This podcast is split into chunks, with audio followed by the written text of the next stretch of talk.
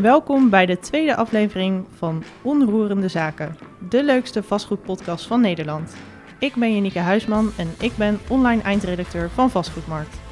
We gaan het vandaag weer hebben over een aantal hele relevante onroerende zaken.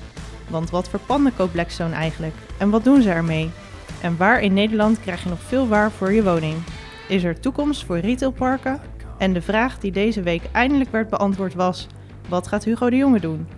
Dat en nog veel meer ga je in deze podcast ontdekken. Dus blijf luisteren.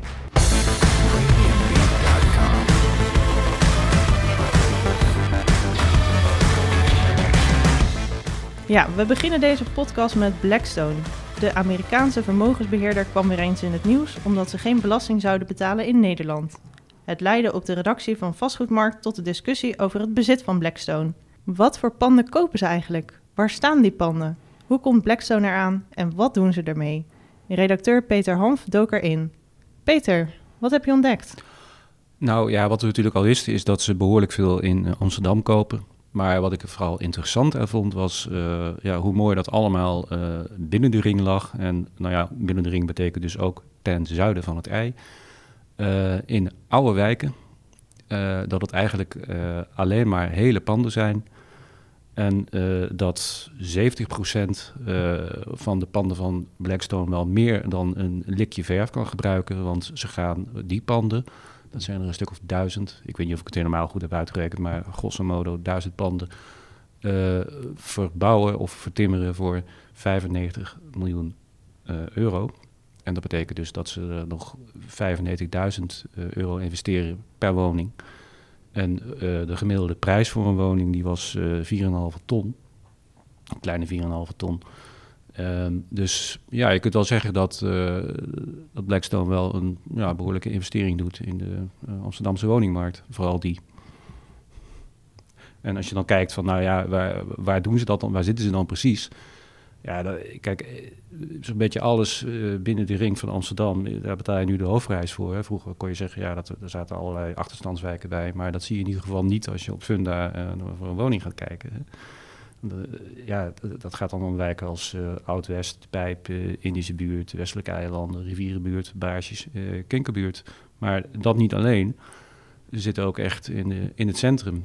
Uh, Kloven-Niersburgwal, Ouderzijds, Voorburgwal, Spuistraat, Prinsengracht. Dus ja, als ze een, leuke presentatie willen geven, dan is het bijna van, nou, nou, kom lekker boodschappen doen in Amsterdam. Want het ziet er wel interessant uit kijken naar de binnenkant, ja, dan zal het waarschijnlijk gaan om, ja, in sommige gevallen, ja, verbroederde panden waar, waar echt een keertje iets aan moet gebeuren.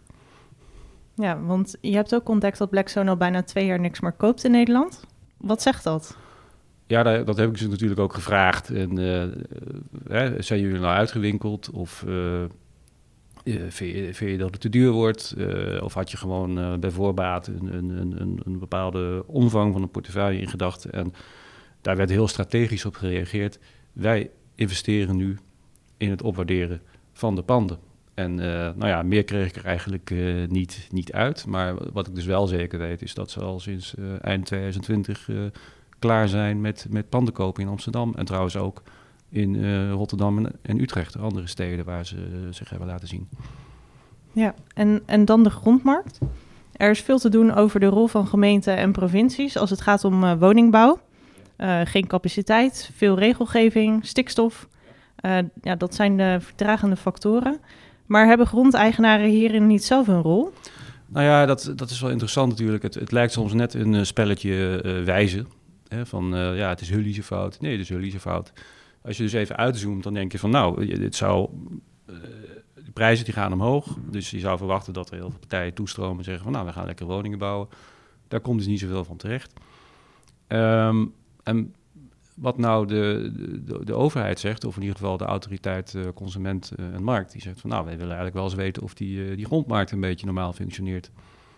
Um, en dat vond ik heel erg interessant, want we hebben een jaar of drieënhalf geleden hebben zelf een onderzoek gedaan naar, grondposities van Nederlandse projectontwikkelaars en bouwers. En daar bleek uit dat ze iets van, ik zeg uit mijn hoofd, 16.000 hectare hadden, met een BPD toch wel als, als een van de grootste groot, groot grondbezitters. En eh, ja, ik was misschien nog een beetje naïef. Ik denk, nou, dat is handig. Dan kun je 400.000 woningen neerzetten. En dan, eh, nou, dan ben je weer een eindje verder. Moet die gemeente niet al te moeilijk doen over bestemmingswijzigingen en zo. Maar uh, degene die het onderzoek uitvoert, dat is Erwin van der Krabbe van de Radboud Universiteit in Nijmegen. Die kijkt daar toch iets anders naar. Want die zegt dan eigenlijk van, ja, maar dit is dus een segment van de markt waar misschien niet al te veel marktwerking meer mogelijk is. Want het zou voor de consument beter zijn als, er, als je eenmaal een, een, stuk grond hebt, dat er vervolgens een soort van competitie, dus concurrentie ontstaat. Dus allerlei partijen die daar uh, woningbouwprojecten zouden kunnen doen. Nou, die is er niet, want als een marktpartij daar die grond heeft, dan, is, dan heeft die het recht om daar te bouwen. Dus dat, dat vindt hij niet zo tof. En het, de, de, tweede vraag, en die is op dit moment heel erg actueel, is van eh, stel je nou eens voor, probeer te verplaatsen in een projectontwikkelaar die uh, last heeft van uh, oplopende prijzen van materiaal, te weinig mensen. En die denkt van nou, ik heb daar een lab grond en in dat gebied is geen enkele andere partij die iets kan ontwikkelen. En ik heb nog een lab grond en daar is wel concurrentie. Nou, Welke, welke zou je kiezen? En nou heeft uh, Erwin van der Krappen daar dus een eigen zeggen in ieder geval ook wel over gesproken met, met marktpartijen. En die, ja, die, die ontkennen dat ze wat dat betreft prioriteiten stellen die, ja, die, die een voordeel werken. En alles gewoon zo snel mogelijk ontwikkelen. En hij zegt, nou, het zou misschien verstandig zijn om eens te kijken of dat echt gebeurt. En nou ja, daar komen we waarschijnlijk in, het, uh, in de loop van het, uh, van het najaar uh, komen we daarachter. Want dan presenteren hij en Edwin Buitelaar de, eerste, ja, de, de, de, resultaten van het onderzoek. Nou, ik ben benieuwd. Deze verhalen van Peter Hanf kun je natuurlijk ook lezen op vastgoedmarkt.nl. Um, ehm, hier onder de podcast in de show notes vind je de linkjes naar de artikelen. En ja, we konden er deze week niet omheen. Minister Wona Hugo de Jonge presenteerde dan eindelijk zijn plannen voor de woningmarkt. Hoofdredacteur Servaas van der Laan, jij bent met een vergrootglas door de plannen heen gegaan. Wat heb je daar ontdekt? Ja, nou, ik denk dat er twee zaken waren die, uh, die opvielen. Eén is, we zien Hugo de Jonge natuurlijk heel vaak uh, op de foto staan op een bouwplaats. Uh, om aan te geven wat voor bouwambitie er, we hebben in Nederland. Maar van die bouwambitie vond ik eigenlijk in het plan, in de plannen, daar zag ik niet zo gek veel van terug. Dat is opvallend, want het uh, afgelopen jaren ging het toch altijd over bouwen, bouwen, bouwen. En als je de plannen leest, gaat het eigenlijk meer om ja, het herverdelen, het beter benutten van de bestaande woningvoorraad. Dus ja, er moeten nog steeds heel veel woningen gebouwd uh, worden, maar het plan gaat ook veel over herverdeling. En een herverdeling wordt dan mee bedoeld herverdeling van beleggers naar particulieren en herverdeling van dure woningen naar goedkope woningen. Dus dat is eigenlijk een anders inrichten van de huidige voorraad. Daar ziet Hugo de Jonge uh, vooral kansen. Dat is één. Um, ja, en ten tweede is het toch wel duidelijk dat, eh, met name dat herverdelingsvraagstuk, dat de belegger daar wel echt uh, het kind van de rekening wordt. ja, er is steeds minder speelruimte voor beleggers. Er komt een huurprijsbescherming voor woningen tot 1250 euro aan huur die grens ligt nu rond de 700 euro. Dus dat hele die, die, eh, dat middensegment, uh, dat wordt nu ook, uh, ook gereguleerd. Nou, dan blijven er eigenlijk gek weinig woningen over die nog in een soort vrij segment zitten. dat, is, dat is, ja, betekent echt wel een inperking voor, voor beleggers. Die kunnen dus niet meer vragen wat de gekker voor geeft, hè, wat, wat eigenlijk nu het geval is. Um, en naar de opkoopbescherming was er natuurlijk al. Uh, beleggers moeten meer belasting gaan betalen in box 3. Uh, eh, overdrachtsbelasting gaat naar 9%, was 8, al 8%. Dus op allerlei mogelijke manieren wordt het beleggers uh, ja, zo ingewikkeld mogelijk gemaakt. Um, dus, en zelfs die, die huurprijsindexatie, die een soort van heilig is voor beleggers, want dan kunnen ze altijd hun huren mee laten stijgen met, met inflatie. Dat is een soort heilige graal voor beleggers. Uh, zelfs daar uh, gaat ja, eigenlijk een einde aan komen. Want het kabinet wil voortaan gewoon per jaar gaan communiceren met welk percentage alle huren in Nederland verhoogd mogen worden. En dat gaat dus ook over vrije sector huren. Dus ja, dan heb je steeds minder zelf te zeggen over je woning. En wordt het dus ook wel erg onzeker voor, voor beleggers om, om in die woningen te beleggen. En laat het kabinet het bouwen van die 1 miljoen woningen dan helemaal los? Nee, dat niet. Hè. Dus het gaat nog steeds, er moeten nog steeds wel iets van 900.000 woningen, geloof ik, gebouwd worden de komende, komende paar jaren. Eh, alleen zeggen ze nu wel, uh, dus die, die regie die gevraagd uh, is vanuit de markt. Dat, nou, ze hebben erom gevraagd, nou, die kunnen ze krijgen. Want er is een soort, dat het 40-40-20 beleid, 40-40-20 beleid uit Amsterdam. Dat is nu gekopieerd naar een landelijk beleid. Met dus eigenlijk een soort 30-40-30 beleid. Dat wil zeggen dat bij elke uh, ontwikkeling van, van woningen, daar moet er minimaal 30% uh, eh, sociale huur, 40% midden, middenwoning, dus ook koop, en 30% uh, eh, vrije sector huur en koop. en dat geldt dus eigenlijk voor, voor elke, elke gemeente in Nederland waar gebouwd wordt. Ja, moeten in dit soort percentages gebouwd worden. Uh, nou ja, het is wel spannend natuurlijk, want je zag dat mede door deze maatregel in Amsterdam die bouw uh, vaak uh, ja, in de knel kwam. Dus het zal de komende jaren wel spannend worden hoe dat, eh, hoe dat precies uitpakt in Nederland, die, deze maatregel. Ja, en dan de huizenprijzen. Die blijven voorlopig nog steeds stijgen. En jij duikt ieder jaar in het onderzoek van EW Magazine en het kadaster naar de vierkante meterprijzen. daarin wordt gekeken op buurtniveau naar de prijsontwikkelingen van woningen. Wat uh, kun je zeggen over die prijzen? Nou, in ieder geval dat het plafond nog niet is bereikt. Uh, daar leek het een beetje op in het onderzoek van een jaar eerder. Toen waren de prijzen echt, het was eigenlijk net voor corona, waren de prijzen wel aan het afvlakken. Dus je dacht, nou, de plafond het is nu al een beetje bereikt. Maar toen kwam 2020 en die heeft dan alles een einde gemaakt. Dat ging maar gewoon dwars het plafond heen. En dat is terug te zien in die, in die transactieprijzen over het afgelopen jaar. Dus uh, voor het eerst in de geschiedenis van de Nederlandse woningmarkt zijn er hele buurten in Nederland waar de woningprijs boven de 10.000 euro per vierkante meter ligt. Dat is echt een unicum, want uh, in Amsterdam weten we wel dat dat in individuele gevallen het geval al was. Alleen nu heb je het gewoon over een gemiddelde prijs in een hele buurt. Dus dat is wel echt, uh, ja, dat zegt wel iets. Uiteraard liggen deze buurten in, in Amsterdam. En, uh, maar ook aan de onderkant van de markt, hè, dus waar vroeger de, de koopjes waren, uh, daar betaal je sowieso minimaal al 1000 euro per vierkante meter voor een woning. Uh, en dat zegt toch ook wel iets. aan de ene kant zegt het natuurlijk dat de verschillen groot zijn. Hè, dus je betaalt aan de ene kant van Nederland 1000 euro per vierkante meter, aan de andere kant 10.000, dus tien keer zoveel. Maar het zegt ook wel dat aan die onderkant van de markt dat wel heel erg omhoog is, is opgeschoven ook. Um, dus ja, goed dat woningen duur zijn, weten we wel. Uh, de vraag is natuurlijk van waar is het dan nog goedkoop? Nou ja, goedkoop is het nergens meer. Maar als je dus in inderdaad aan die onderkant wilt, uh, wilt gaan kijken, dan ga je echt naar uh, de, de uiterste randen van Nederland. Dus dan kom je in Noordoost-Groningen terecht, bijvoorbeeld in Nieuwolda of Nieuwe Schans. Of helemaal in het zuiden, bij, in Heerlen, in de wijk Rieheide de Stak. Maar ook daar zijn de tijden dat je voor 70.000 euro zo'n woning kon kopen wel echt voorbij. Een, een woning van, uh, laten we zeggen, 100 vierkante meter uh, kost daar gewoon uh, 140.000 euro ook tegenwoordig. Ja, want het onderzoek dat, gaat ook altijd op zoek naar parels, toch?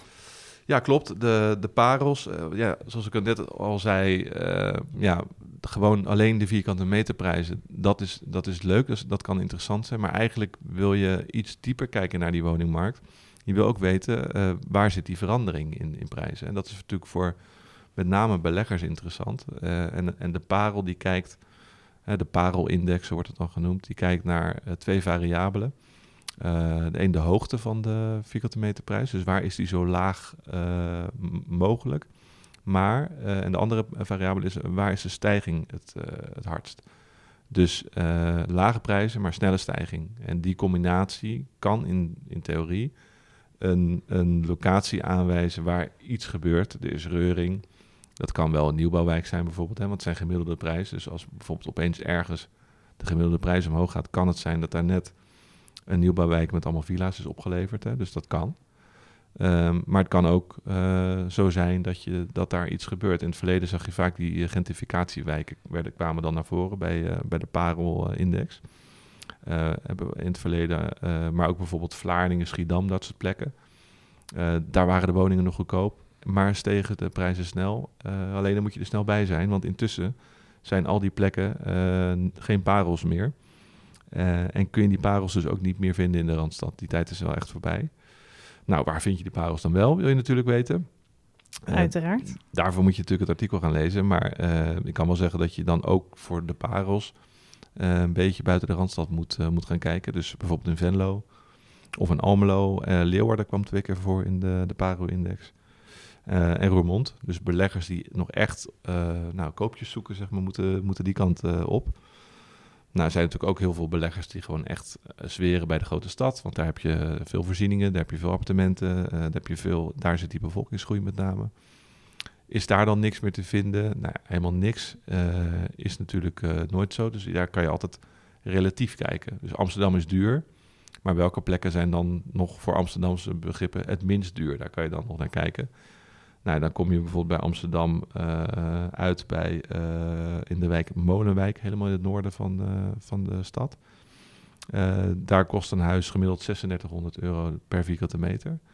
Dat is uh, boven het landelijk gemiddelde van 3300. Dus het landelijk gemiddelde ligt op 3300. Dat is precies de prijs die in, in Zoetermeer voor een woning betaalt.